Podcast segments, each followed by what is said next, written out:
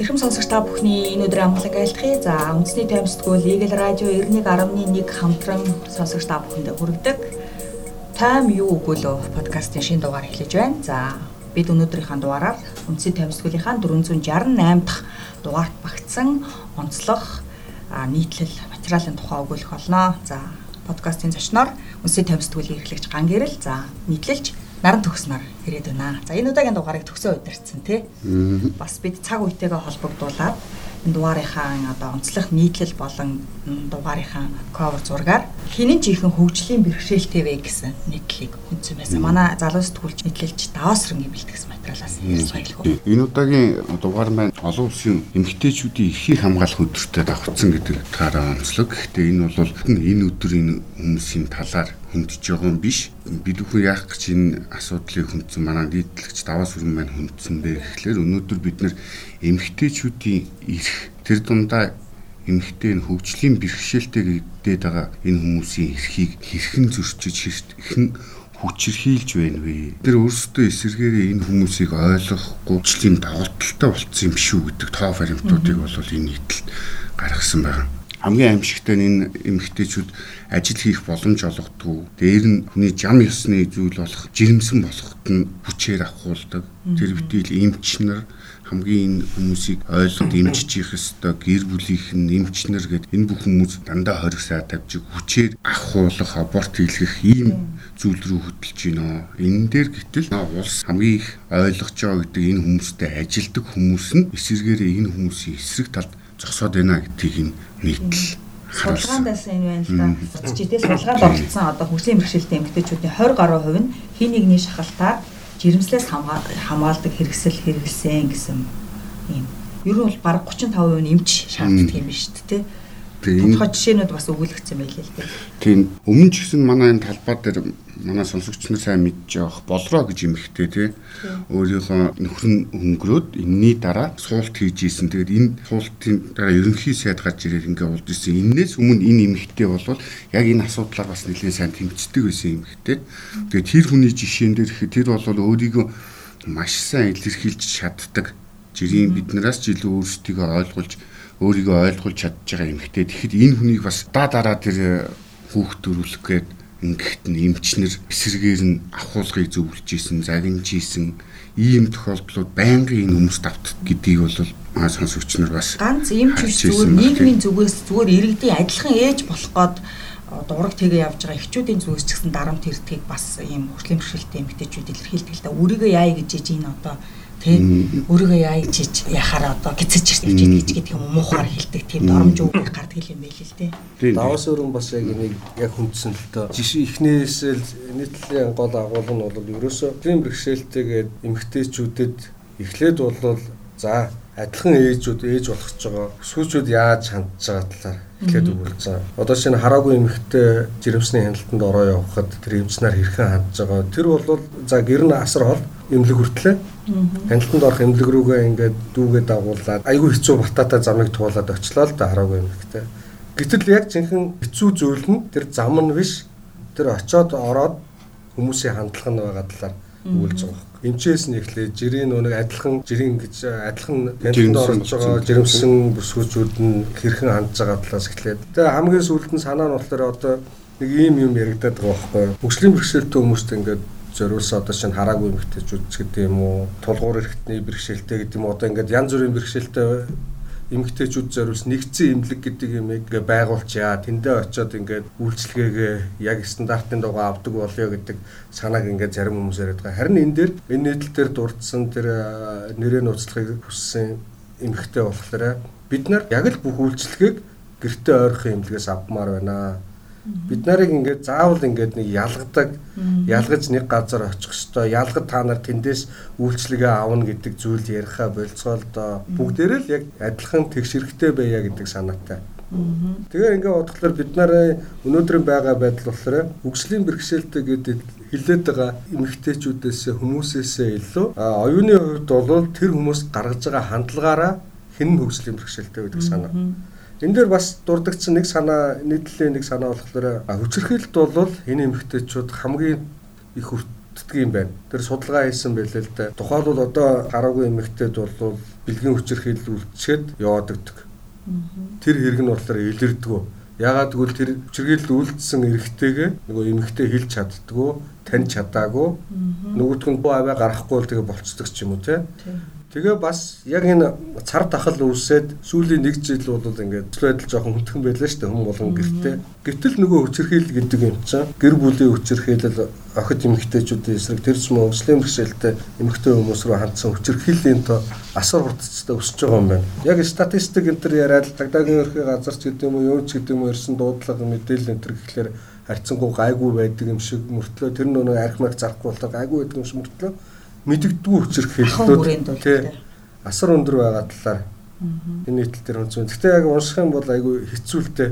Тэр хараагүй эмэгтэй хүчирхийлүүлжсэн эмэгтэй амьдралаа асуудлаа ярьсан байгаа энэ трийг За тэгээд хүмүүс уншсан. Гэхдээ заавал бид нар анхаарах хэрэгтэй. Энэ нөгөө хүчлийн бэрхшээлтэй иргэдэн талаар бас их дуурдаг. Өөрөө бас тийм замыг туулж аваа ойдв гэдэг миний бас фэйсбүүкийн найз ах байдаг эрхтус илүү нөгөө э, хөшлийн бэрхшээлтэй иргэдэд зориулсан тийм нөгөө тусламж үйлчилгээний юу бас үйлчилгээ ажилладаг. Тэр хүн бас нэг тэгж хэлсэн байсан.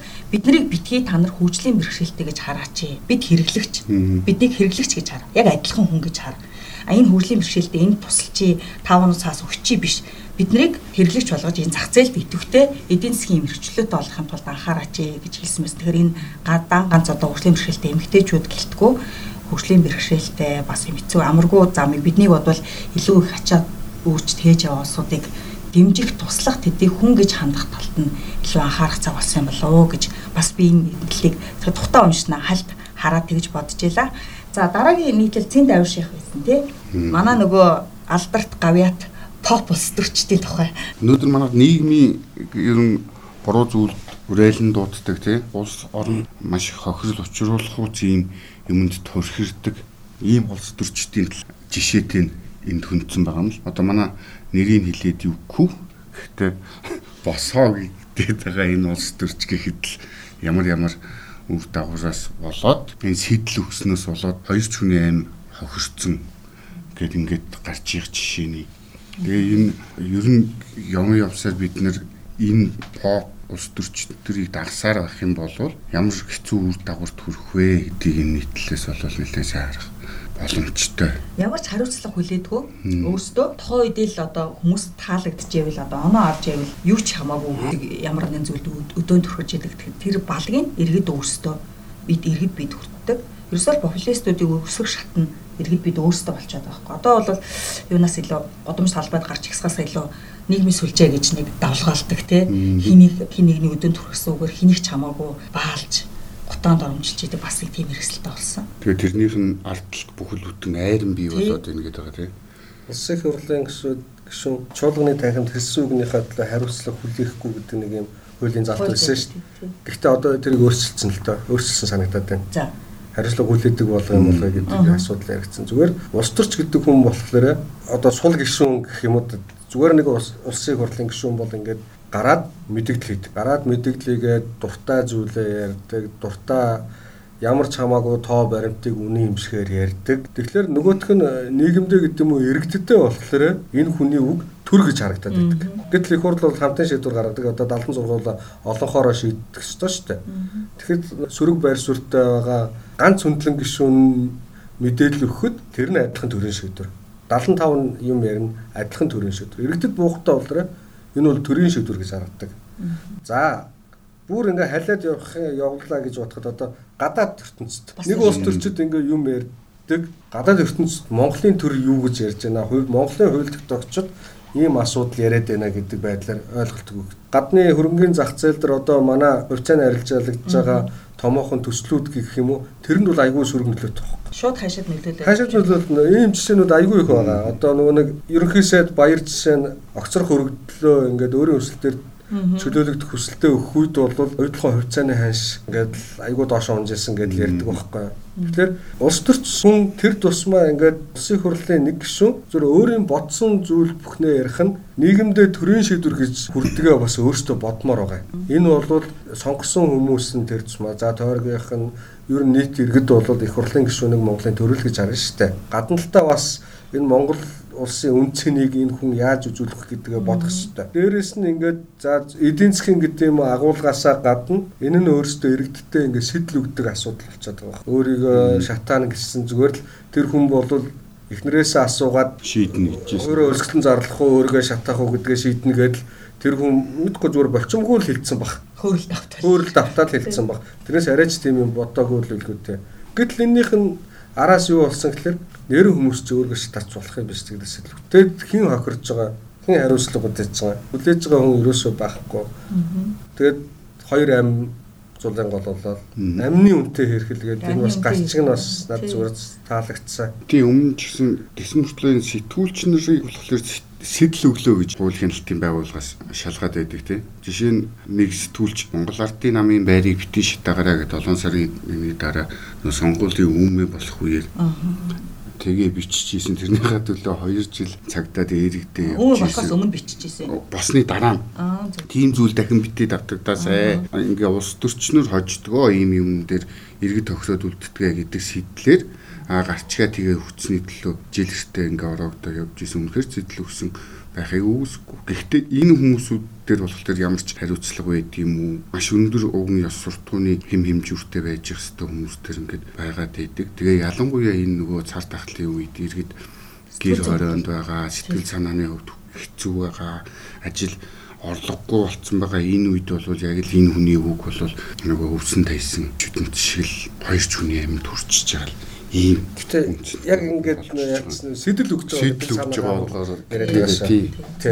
За. Дараагийн сэдвт оръё. Шилэг төмөрийн удаад мяатын хувьчлалыг хийх хувьсгалын тохироо бүрдсэн хэсэг талаар хүнджээ. Сая төрийн өмчөд хувьцаат компаниудын үр ашигын талаар нэг юм тоо яваад байсан шүү дээ. За хэд гэлээ. Лав асар үр ашиггүй байдаг юм байлээ. Ер нь манай төр байгаа компани. төрийн өмчөд компаниуд тоотой идэх нь болохоор одоо ингээд том том төслүүд хөдлөж байгаа, уул уухаан төслүүд хөдлөж байгаа нь ашигтай байгаад байдаг. Бусд нь ихэнх нь бол ингээд дандаа зардал гаргаа яваад байдаг. За тэрэн дотор Мят бол ашигтай да орноо. Энэ бол төрд байх ёстой л авиа компани юм шиг ойлголт бол одоо яг тэр тоо баримтыг харахаар ингээд ашигтай байгаад байдаг. Гэтэл яг энэ компани ашиг нь өөрөө өмнөхийнхээ халааснаас гараад байгаа гэдгийг санаал байгаа. Нар арай олон сонголттой арай олон авиа компаниуд ингээд бод ирэх юм бол арай хямд хийзээр одоо зорчих боломж байна. Энэ нь зөвхөн ингээ хөл хорооны үед ингээ гадагшаад төч явахыг хязгаарласан байгаа энэ үед ч гэсэн бас тэр нь харагдаад байгаа байхгүй. Яаж харагдаад байна гэхээр Мятас өөр компани одоо хүннээр одоо жишээ нэг ниссэн гэдэг байгаа байхгүй. Хид хид хотоос хүн авчирсан.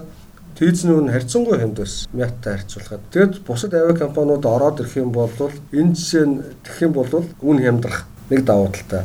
Хоёрдугаар одоо Мятиг бол хамгийн өндөр шатхуу авдаг гэдэг шүүмжлэлийг байнга ярьдаг шүү дээ. Их хурлын гишүүд нь хүртэл чуулганы тагимд хэлсэн. Шатхууны үнэ нь онгоцны шатхууных нь үнэ нь хамгийн өндөр Тэ. зах зээл хамгийн өндөр борлуулагчаас авдаг тийм. Тэ. Тиймэрхүү асуудлууд яригдал байдаг. Хэрвээ зөвхөн хувийн хвшил Мятиг хөвчлчих юм бол хувийн хвшил авсан бол хамгийн хэмжээнд сонгох байлгүй дээ. Тэгээд нөгөө талаас зарим нэг ингэж идэж нодлон одоо анх ууханаас хамгийн их анхны тусгай үүргийн нислэгээ цар тахал гаснаас хойш ууханаас хамгийн анхны тусгай үүргийн нислэгийг үйлдэлээ л дээ. Тэгэхэд бид нар үндэсний төрдөө авиа компанитай байсан тулдаа тэндээс иргэдээ авчирлаа гэсэн PR их явсан шүү дээ. Тий. Тийм тэгсэн чи энэ эсэргээр байдал эсэргээр байна гэдгийг яг энэ тал дээр авж байгаа баримт жишээнүүд харуулад байгаа юм л та. Жишээ нь энэ Будапештээс Хүнвайр компани иргэдэд татсан. Энэ дээр элчин сайд гадаад хэргийн яамны оролцоо нэлээд байсан. Энээс өмнө яаж исэн бэ гэхлээр энэ цар тахалтай холбоотойгоор зардал, ариутгал энэ юмд бол маш их мөнгө зарцуулж байна гэж Монголын иргэний агарын төвд их мэддэгдээд байсан. Тэгээд маш өндөр үнэтэй тариф тогтоогоод байхад нь тэр нэг хувийн компани орж ирэхдээ л нөгөө хэлжсэн тарифаас нь даруй 20%-аар бууруулад ороод ирэх жишээ нь. Тэгэнгүүт нөгөө 15%-аар бууруулад ороод ирснийг нь улсын компани болохоор нөгөө ашигын төлөө бус байгаа компани нөгөө компаниг байх одоо тэр нислэгийг нь зоцлуулахын тулд 20%-аар дахиад нөгөө нэг үнэтэй бид нар аргагүй чихээс өөр аргагүй юм зардланд ийм болж ийн гэж хэлсэн мөртлөө хувийн компани оруулаад хямдруулчингууд тэрнээс нь илүү хямдруулаад байж байгаа жишээ нь. Тэгээ энэ төрийн юм гэхлээрэл дандаа шудраг өсөлтөөн тий энэ компаниудын ийм байдлыг нь эсэргээр нь ажиллаж идэг нэг жишээл нь Монголын иргэний агаарын тэгвэр болчлоо. Хүнөө эр чинь тэгээд э, тусгай өргийн нислэг үлдээ гэдэг хүсэлтэй бол нэлийн одоо бар цаг анх хил хаагцсан үеэс л ахуулаад хүсэлтэй иргэний нисэг тавьсан шүү дээ тэгжээж. Нэлийн урт удаан хугацааны дараа. Энэ одоо вакцин дээр ч гэсэн миний зүгээр хардлага шүү. Хувийн компаниудыг яагаад зөвшөөрөхгүй вэ? Гэдэг бас хардлага энэ дээр байгаа юм. Сая бас тэгтээ бас нэг илэрхийлчлээ тий. Улсын онцгой комисс хувийн хвшлийг бол улсын оруулж ирнэ гэж байгаа компаниудыг бүх талаар нь дэмжинэ. Гэхдээ тэр бас дэмжихтэй ялгаатай шиг лээ. За тэр өөр сэдв болоо. За дараагийн сэдв манай төгсөө өөрөө бицэн хүмүүн төрөлхтний дотроос хөөрхий бидний бүсгүйчүүд гэх. Гэтэ яг манай Монгол бүсгүйчүүд одоо яг хөөрхий байгаа юу? Тэг энэ яг нийтлэлийг санаа нь болохоор бид нар энэ эмгтээчүүдийн байгууллага гэдэг байгууллагуудын талаар л хүндхийг хичээсэн. Анхнаасаа бид нар эмгтээчүүдийн байгууллагыг байгуулахдаа нөгөө нэг комментарны гар хөл болж байгаад ч гэх юм уу үзэл сурталаар дамжиж тэрийг хийхин төлөө байгуулж исэн байгууллага учраас нөгөө эмгтээчүүдийн эрх ашиг гэхээсээ илүүтэй энэ бүгдийг нэгэн дээвэр доор төвлөрүүлэх эмгтээчүүдийн үзэл санааг өөрсдийн хүч болгон ашиглахад гол зорилго нь энэ байгууллагыг анханасаа бий болчихчихлээ. Тэгээ өнөөдөр гэхэд энэ байгууллага нэр чөлөөт зах зээлийн нийгмээр амьдарч ажиллаж байгаа хэрн намын доор байнгын нэг дэрэгдэх эмгтээчүүдийн байгууллага гэдэг байгууллагууд бий болсон. Эдгээр тэгээд түрүүн бид аваас хөрөнгөний нийтлэлд хөндөгдсөн жишээнүүд те энэ бүх юмнууд ингээ эмгтээчүүдийн асуудал байсаар байт. Энэ байгууллагын тоо нэмэгдээд идэг мөртлөө тийшгээр хандсан үйл ажиллагаа ерөөсөө явуулдаг ганц зорилго нь болохоор улс төрийн оноо авах тэр хүмүүс дээр ярих энэний нэг илэрхийлэл намын гişүнчлэл нэмэх нэг гişүнчлэлийг нэмэх болоод хувирчлаа. Тэгээд тийм учраас ийм байгууллага биднэрт хэрэгтэй мүү хэрэггүй мүү одоо гэдэг асуудлаар л хүндсэн нэг тал байгаа. Одоо яг саяын төгсөгийн санаан дээр үргэлжлүүл яхаа. За, нам болгон одоо дэрэгтэй ардсан эмэгтэйчүүдийн холбоо, нийгмийн ардсан Монголын эмэгтэйчүүдийн холбооч гэдэг юм те. Бус намуудхан Баатарын намд хүртэл нэг эмэгтэйчүүдийн холбоо байгаа байхгүй юу? Баа зөв нам. Төрийн бус байгууллага. Тэгээ энэ эмэгтэйчүүдийн холбоо за үнэхээр ингээд эмэгтэйчүүдтэй анхаарал хандуулаад бид нарын асуудлыг шийдэл ингээд дуу хоолойгоо өргөдөг бол за хамаалга ингээд за байж ий да гэдэг. Гэтэл одоо жишээ нь намын дэрэгдэх эмэгтэйчүүдийн байгууллагын хамгийн их ярьдаг сэдв зүйл бол ерөөс одоо сүүлүүд квот За сонгуульд нэр дэвших квот. Одоо гендер яриад л гендерийн хувьд ингээд 15% нэмэгдүүлж байх хэрэгтэй энэ гээд гэдэг зүйл ярьдаг нэр дэвшигчдийн ч гэдэг юм уу те. Гэтэл амьдрал дээр яагаад эмэгтэйчүүд 85% нэр дэвшиж болохгүй. Тэнгүүт ярьсараад хөөцөлцөөргээд 15 гэдэг квот ямар ч нам квот дээр 15 гэдэг тоогоол тавьдаг. 50 байж болохгүй юу? 50 байж болохгүй. Уг нь бодоход одоо манай боловсролын төвшнгөөр гэдэг юм уу те тэр бүх зүйлэр бол одоо эмгтээчүүд чи ирчүүдээс хамгүй хамаагүй л байгаа шүү дээ босралтай байна. Төрийн удирдах албан тушаал хасж байгаа тоо энэ төр гэдгээ бодох юм бол эмгтээчүүдийн тоо бол ирчүүдээс бүр асар өндөр болцсон. Нэг эмнэлэг сургуулийн эрхлэг цэцэрлэгийн хэлсэн тэр дуунчтанд бол. Тэгээ дээшээ явах гэхээр эмгтээчүүд нь өөрсдөө өсөлт гаргасаар хагаад квот тавьчихсан. Бодоход бол квот байхсгүй байхгүй Чөлөөтэй байна. Чөлөөтэй өрсөлдөөд 50% нь магадгүй 85% нь эмэгтэй хүн нэрдэвш 15% нь одоо эрэгтэй хүн ч гэдэг юм. Нэг тийм үнцэг байна. Нөгөө талаасаа энэ намын дэрэгдэх эмэгтэйчүүд энэ квотын төлөө гэдгээс өөр юм хийж гин үгээ ингээд бодоод үзэхлээр за янз бүрийн аян маян ингээд хаяа хаяа нэг юмнууд явж л байгаа. Тэр нь гэхдээ үр дүн дөнгөө өгсөн ч байна, өгөөгүй ч байгаа. Гэтэл сая засгийн газар огцрох хэмжээний асуудал үүслээ шүү дээ нэлэх биетэй эмэгтэй нэгдүгээр төрөхийнхаа өргөн амарчч одоо нэгдүгээр төрөх гэж байна. Хүнлэг бус хандснаас болоод ингээд хөрс хөрөхის сайд өөрийн өсөлтөөр засгийн газраа огцруулсан. За нөхцөл байдал ийм болоод нийгмийн сүлжээгээр олон нийтийн сүлжээгээр талбай дээр иргэд бухимдаад асуудал үүсэж хахад нөгөө нэг эмгтээчүүдийн төлөө гэдэг квотоор гарч ирсэн эмгтээчүүдийн холбоонд хамаардаг эмгтээ гişүүд маань хаана байсан бэ? Ерөөсөө байгаагүй. Яг засгийн газар огцорсны дараа эмгтээ гişүүдийн тавьсан шаардлага хүсэлт нь юу бол шинэ засгийн газар дахь эмэгтэйчүүдийн квотыг нэмэх тухай асуудал яригдж байгаа байхгүй. Тэрнээс нөгөө тэмцгүй байгаа эмнэлгийн тусламж үйлчилгээ нөгөө гадуурхалт тэрний талаар ерөөсөө орт байгаа. Намуудын дэрэгдэх эмэгтэйчүүдийн холбооч дуурахгүй тэр байтугай Монголын эмэгтэйчүүдийн байгууллага одоо баг ардын явсгалтай 600 нас хүрлээ гэдэг байгаа. Тэр байгууллага нь хүртэл орд мөр таг сурагч юм байгаа. Тэгэд нийгэмд ийм буруу мессежийг дандаа өгж идэг байгууллага болоо өөрчлөлөө гэж харагдаад байгаа юм л да эмэгтэйчүүдийн байгууллага. Эмэгтэйчүүдийн эрхийг гэж ярьж дандаа тэрийг нөгөө нэг шатаахих хэрэгсэл болгож явсаар байгаад өнөөдөр бодит байдал дээр ямар байдал үүсвэ гэхлээр түрүүн ган гэрэл эрхлэгч хэлж байна. Нийгэмд эзлэх байр суурийн хувьд бол эмэгтэйчүүд эрэгтэйчүүдээ харьцааж артууч болсон. Эрэгтэйчүүд нь нөгөө хүчирхийл үлдээд байгаа гэр бүлийн хүчирхийл янз янзын асуудал гаргаад байгаа эрчүүд нь боловсрал ажил мэргэжлийн хувьд бол доор орцсон эмэгтэйчүүдийнхаа. Тэгэд энэ 40 цагийн нэг юм Монгол эмэгтэй имиж гэж хэлж болох ч нэг үнэлгээ байгаа дээ шүү дээ. Боловсралтай, соёлтой, нийгэмдээ ингээд хөлөө олцсон байж идэг, орлого сайтай, ертөнцийг үзэх үзэл өөр болцсон байж идэг. Гэтэл эрчүүд маань нөгөө дээд сургуульд баг сурж ийн. Дээд сургуульд гэхэд эмэгтэйчүүдийн эмэгтэйчүүд 60, эрэгтэйчүүд 40 байх жишээний. Тэгээ энэ боловсрал эзэмшээгүй, мэрэгжил эзэмшээгүй хүмүүс чинь ажил дээр гараад ажлын байр тааруу мэдээж хэрэг орлого багтай болно. Ингээ энэ хоёр эрэгтэй эмэгтэй энэ манай бүлэглийн хувьд асуудал үүсэж байна. Гэтэл энэ асуудлыг дуурахгүй эсэргээр л энийг бүр улам бүр лавшруулах байгаа юм шиг аль болох өөрсдөндөө ашигтай хөлбөрөөр байлгаад идэг юм шиг л ийм байгууллага үйл ажиллагаа явуулаад байна. Одоо лоб биж байгаа цэрэгт явуулах гэж байгаа юм шиг. За за. Ер нь бол цэрэгт явбал эмгтээчүүдийн нэг өмөрч цэрэгт явбал бүсгүүчүүд бол дажгүй явчихад. Бат инженер гэдэг Тийм тийшээс манай бүсгүүчүүд дажгүй цэрэгт явчаад ирэх баха явцаа байна бид хідэл жоохон хэцүүдэх байх гэдгсэн байсан. Үнэ үнэ. За за дараагийн сэдв манай нөгөө ойлгороо уншигчд сонсогчд маань бас нөгөө цаг үетэйгээ холбогдлоо жоох эмгтээчүүдтэй сэдв давмгаалж ишүү энэ удаагийн сэтгүүл. За болон эрдэнэ нойрсож байгаа гоо сайхан гэсэн сэдв хөндөжээ.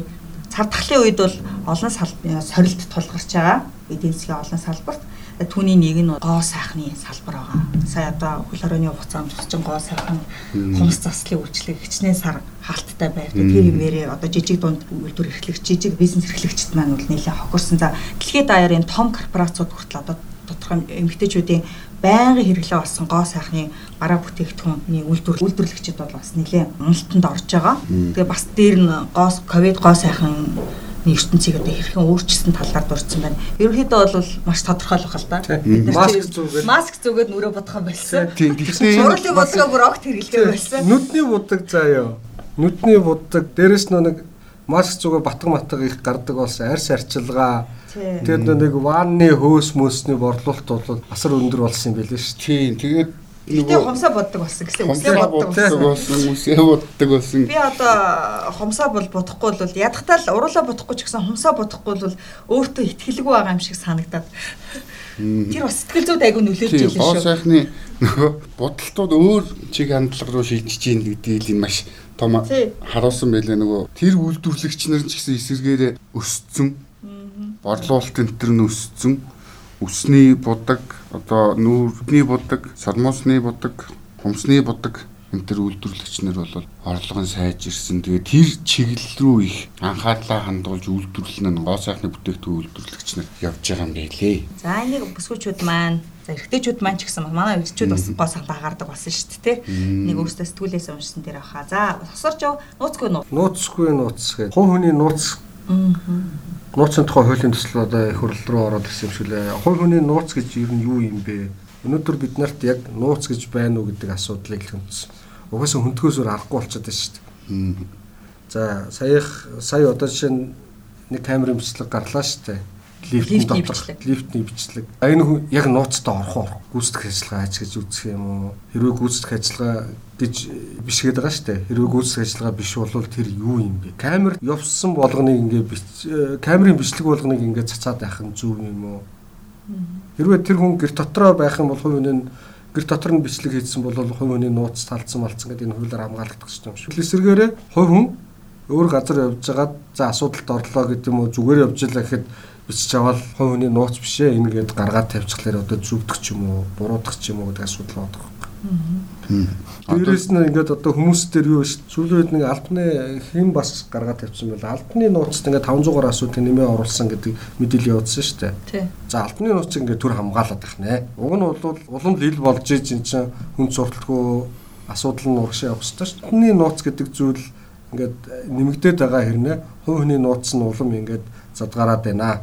Хувийн нууц гэдэг зүйл байхгүй болчлоо. Одоо бид нар нэг За энэ ковидос болоод QR код ингээл уншуулаад явдаг боллоо шүү дээ. Байгууллагууд ингээл шаардж байна. Одоо бүр шүү регистрийн дугаараа олон нэр хэлдэг болсон. Хэлдэг бол тий. хилүүлэл ингээл явж байгаа. Гэтэл энэ нь өөрөө яг тэр хүмүүний нууц үстэй. Тэгвэл одоо адаглал регистрийн дугаараар чи төсөөдрөө мэдгдчих. Насаа мэдгдчих. Тий. Тэгээ манайх шиг нөгөө сонгуулаар царцаа гэж ярьдаг тий хүмүүс их шилждэг, тэр судалгаа хийдэг. Угаасаа төрийн байгууллагууд нь тэрийг өөрсдөндөө ялангуяа намууд бол төрийн байгууллагт ажиллаж байгаа гишүүдэрээ дамжуул олж авахыг санаарахдаг энэ үед бол энэ хууль бол маш анхаарал татсан хуулийн төсөл явж байна. Тэгээд дээр нь нөгөө засгийн газраас төрийн нууцыг чагсаалтыг батлаад байдаг. Энэ жигсаалтаар бол одоо өчигдөр гэхэд энэ зориг агсны хэрэгтэй амь насыг хохироосон хэрэгтэй холбоотойгоор нэмэгтэйг ерөнхий сайд очиж уулзлаа. Энэ хүний бас тэр нөгөө эрүүдийн шүүсэн гэж байгаа бичлэгийг нууцаас гаргаж байдаг юм уу? Ийм асуудал бас хөндөгдөж байна тэр нэгэнтээ энэ хэргийн эрүүдэн шүүсээ гэж байгаа боловч тэр хүний ирэхэд яаж хамаарах вэ гэж бид нэр өөрсдөө сайн энэ нөгөө нууцын тухай хууль мэдлэгтэй вэжиж энэ одоо боловсруулж байгаа үед нь бол санаа бодлоо илэрхийлэх юм зайлшгүй шаардлага тулгарч байна. Тэгээ энэ хуульд юу юу туссан талаар талаар бол энэ нууцгүй нууцны итлээс бол нэлээд тодорхой харах. Гэхдээ энэ нууцын хувь хүн манай ерөнхий сайд ч хүн ерөнхий сайдыг бас тэр вакцины хэлэхэд нь регистрийн хэлүүлээл утасны дугаарыг хэлүүлээл гэрийн харийг хэлүүлээл. Тэрийн шууд амжуулаад явцсан байдаг юм байна. За дараагийн сэдвтэ оръё. Бас л нөгөө Улаанбаатарын хүмүүс болон маань уламжилт болон байгаа. За даавс руу маань энэ болон бэлдсэн. За олонний танил урлаг спортын салбарт амжилттай яваа гурван бүсгүйг сонгож 6 ижилхэн асуулт тавьсан байлаа. Тун сонирхолтой. Нэг ижил нэг сэдвээр нэг сэдвээр тий адилхан асуулт адилхан асуултад тавьсан тэгээд тун сонирхолтой хариултууд өгсөн. Бас л одоо нийгмийн өнгөлж аваа бас биднэрт өдөр болгон урам зориг өгдөг юм сайхан бүсгүүчүүд энэ асуултуудад хэрхэн хариулсныг Улаанбаатар хүмүүс болгоноос уншаарай. За сосорчийн бас нэг нийтлэл анхаарал татж байгаа нь мачо политик буюу хүчний улс төр гэдэг юм одоо нөгөө популист улс төрөөс илүү давмгаалж гарч ирэх хандлага үүсэт байна гэдэг талаар хүндсэн байсан тийм. Мачо гэхээр одоо энэ Латин Америк нэрлэл нэршил үү?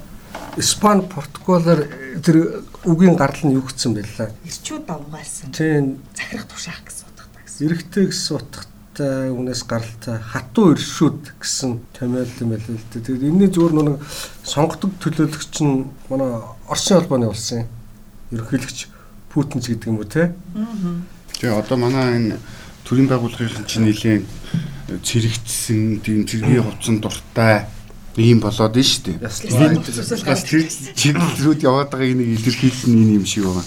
Ихэнхдээ нөгөө энэ улс төр давамгаалдаг улс орнуудын жишээнүүдийг харах нэ. Нөгөө нэг бие балдрын сайхан тэг хүчтэй асуудлыг ингэж хүч хэрэглэж шийддэг. Тэрийг нөгөө олон нийт таалагдахын тулд те тэгж шийддэг ийм улс төрийг нь хэлээд байгаа. Бид нэр бас нэг сонирхол улс төр энэ. Манайх ч бол уг нөгөө зөөлөн хүчний бодлого гэж яриад идэг шүү дээ. Тэрний яг эсэргээр нь бодлого юм шиг байгаа юм. Ер нь бол жоохон дарангуул л үстэй. Одоо 18-нд бүгдээрээ харцгаая заяа. Манай энэ их хурлын гишүүд чинь бүгдээрээ цэрэг хувцсамсаа гараад ирж байна. Гарч ирж мэдчилгээ төвшүүлнэ. Гэхдээ харин яг ковидоос болоод тэгээ явах нь уу яах нь. Одоо завхны нэг гишүүн чинь тэгээд би бэлтгэл офицер хүн гэдэл дараа нь ярьсан шүү дээ. Эмгтэй гişүү. Тий.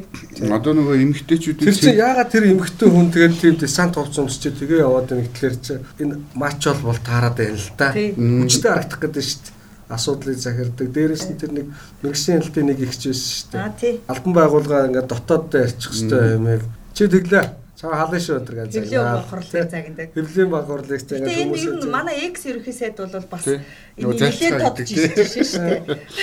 Дагуулж явж яснаа эргэж харангуйта та нар яагаад намайг дагаа яваад байгаа зайлцгаа хэвчээ хотын дараа нарыг. Тий, ер гэхдээ ингэж ер нь манай улс төрч бүгдээр яг тийш ийшээ явж байгаа юм байна. Тийм. Тэгээд бид нар бас тийм улс төрчдийг өөрсдөө нөгөө хүсээд хүсээд дуртай байгаад байгаа. Тэгээд тэр дуртай сэтэл дээр нь тоглоод дөрөөлөд нь шүү дээ тэр хүмүүс. Тэгээ нэг юм чанга гар хүсээд бид нар тий. Булчинтай. Булчинтай. Яаж мэдчилгээ төвшөөс яагаад цэргийн ослогоо хийгээд идэв. Бүх бол төр юм гэж хэлцгээгээл. За энийг уушгүй сонирхолтой юм байлээ. Тийм байна. Тэгээ дорцуран гээд нэг одоо за аюулгүй бодол стратеги судлалын хүрээлэнгийн захирал хүн бас энэ хүчний бодлого хэрхэн өөрчлөгдөж байгааг нь матч нь ямар учиртай энэ гээд За. Бас албаны тайлбарт За хүчний бодлого хитэдүүл юу болдгийг одоо Өмнөд Азийн нэг орн харуулж байгаа тий. Энэ бол Мянмар хуучаар бол Бирм гэдэг улс. Энэ улсад цэргийн эргэлт гарсан. Одоо нэг сарын 31-нд гарсан тий. Тэгээ энэ Мянмарын цэргийн эрх мэдлэлтнүүдийн ардталт хэн бэ вэ гэсэн сэдвийг манай бацаахан хүндсэн байлээ. Тэгээ Мянмар бол бас маш олон жил Ансан Сучи гэдэг тийм Монголд бас айлчилж байсан Мянмарын одоо үндэсний лиг намын тэргүүн нэмэгтэй дахиад гэрээ оройнд орсон. Энэ хүнч баг 10 хэдэн жил гэрээ оройнд байжгаад энэний төрүүчийн ардчилсан сонгуулиар гарч ирээд төрийн зөвлөх гэжсэн. Тэгээ сая 11 сард Мянмарт дахиад парламентын сонгуул болсон. За харамсалтай нь энэ сонгуулийг цэргийн эрхтнүүд тус улсын одоо олон жил ард иргэдэд дарангуулж ирсэн цэргийн эрхтнүүд хууль бус сонгуул гэж үзээд Мянмарын ерөнхийлөгч болон төрийн зөвлөх Алсан Сучи нарыг бол гэрээ хорионд оруулаад ингээд нөхцөл байдал нэлээд хүнд байгаа. За 2 сарын 1-ээс хойш баг шахуу Мянмарт иргэдийн эсэргүүцлийн жагсаал өрнөж байгаа. За ард иргэд бол их 50 замаар чагсаж байгаа. Харамсалтай цэргийн эрхтнүүд одоо 3 сар гарсаас ахуулаад галцсан ашиглаж эхэлсэн. Одоогоор бараг 50-д хүн цэргийн эрхтнүүдийн гарт амиа алдаад байгаа гэсэн юм тоо мэдээлэл байгаа. Гэхдээ батлагдаагүй нэгдсэн үндэсний байгууллагын тэнд ажиллаж байгаа элч төлөөлөгч бол одоо тийм тоо мэдээлэл байгаа. За яг нь бацаахны дурдсан жишээн дээр бол 38 хүн гэсэн байна. Гэхдээ ер нь бол 50 гарсан гэж. Харамслаа энэ дотор маш олон бага насны хүмүүс байгаа. За энэ цэргийн эрхтнүүдийн ард хэн байгаа вэ гэдэг талаар барууны хэвлэлүүд нэлээд мэдээлэл дата цуглуулж байгаа юм байлээ. Тэгээд энэ нэгдсэн үндэсний байгууллагын аюулгүй зөвлөл одоо Мянмарт хориг тавих асуудлыг яарч чуулгах талаар их Британи болоодаа дараа саналаа тавьж байгаа. Тэгэхээр энэ барууны орнууд хятадыг бүгд нарамдахтад ард улсыг энд оролцсон уу гэдэгт нэлээ анхаарлаа хандуулж байгаа юм билээ. Бээжинд тодорхой хариулт өгөхөөс бас татгалзаж байгаа нь эргэлзээч төрүүлж байгаа юм байлаа. Тэгэхээр энэ нийтлэлийг манайхан бас сэтгүүлээсээ уурсан. Энэ дээр нэг л санаа байлаа шүү дээ. Зүгээр эдний жишээг ингээ хараа явсан чинь за ингээ цэргийн өртнүүд ингээд төрийн эрхийг аваад явж байгаа. Бас цэргийн дэглэмтэй удаан явсан. Ингээ арчлал гарч ирээд ансан суучи гэдэг баатартай болоо эднэр ингээд явлаа штэ. Гэтэл нөө нэг баг жилийн өмнө баг жил жил хагасны өмнө лөө нөө Рохинжа гэдэг үндэсний цөөхүүд тий. Исламын шашинтнууд штэ тий. Үндэсний цөөхүүдтэй харгислал үлдэхэд нөө нэг ансан суучи хамгаалаагүй баг ч одоо Нобелийн их тайвны шагнал хүрсэн хүн шүү дээ уг нь. Тэгээд айгүй их шүүмжлүүлж ирсэн шүү дээ. Тэгээ өөрөө ихтлээд үгүй өөрөө ч гэж үзээ. Тэрэн дээр ингээл тийм байдал гарахад за арчлалын нэг Монгол дээрэл дүр ирсгсэн арчлал бол коммунизмоос аюултай маяултай гэд мэдэгдсэн үнсэн. Урваач хөдөлгөөгөө Тэгээ сая өөрөө ингээд ингээд л явцлаа зүгээр. Энийг бас бодмоор л юмсах санагдчих. Тэгээ ер нь бол дөрөнд нь бол Нобелийн их тайвны шагнал дансан сүүчээ гээл айгүй сүртэй ингээд гэрээ оройнд байхад нь магадгүй нөгөө төрийн ихэнд гарсны хам дараа ч гэсэн олон улсын хамтын нийгэмлэгч гэдэг юм олон улсын том хэвлэлүүдээр хөмөрчдөг саяны тохиолдолд бол яг ард иргэдийн жагсаалыг л те ард иргэдийн жагсаалыг нухчин дарж байгаа гэдэл Мямарын засгийн газрыг шүүмжилж байгаа болохоос биш ансасуучи гэдэг нэрийг бол бас айгүй баг дурддаг болсон байлээ. Тэгэхээр тодорхой хэмжээгээр энэ нэмэгтэй бас нэр хүнд нийлээ унсан. Раханшаг бол үнэхээр одоо тэр Мямарч бол маш буддын соёлтой маш олон төг турсгал ихтэй буддын шашин нэлээд одоо гүн гүнзгий автсан гэхэд хашаантай тийм улс орон. Тэгээ Рахинжа гэдэг нь бол исламын шашинтай юм бүлэг байдаг юм байлээ. Тэгээ эндээ бол нэлээ харгас хандсан. Рахинжачуудын хувьд бол одоо алла хүчирхийлэл бүр гаарсан. Тэгээд нөө хурш Бангладеш рүүгээ дөрвж гарсан. Бангладешийн хилийн нөхцөл байдал нэлээд хүнд байгаа юм зүйлүүд бол сүүлийн 2 жил ерөөсөө олон улсын хэвлэлээс салахгүй байгаа. За тэгээд нэгдсэн үндэсний байгууллагын аюулгүй зөвлөлийн асуудлыг туггүй хилцэх баха. За дараагийн удаад болохоор дараагийн сэдв болохоор энэ аг халуун амтны эрэлт гэдээ би бичсэн.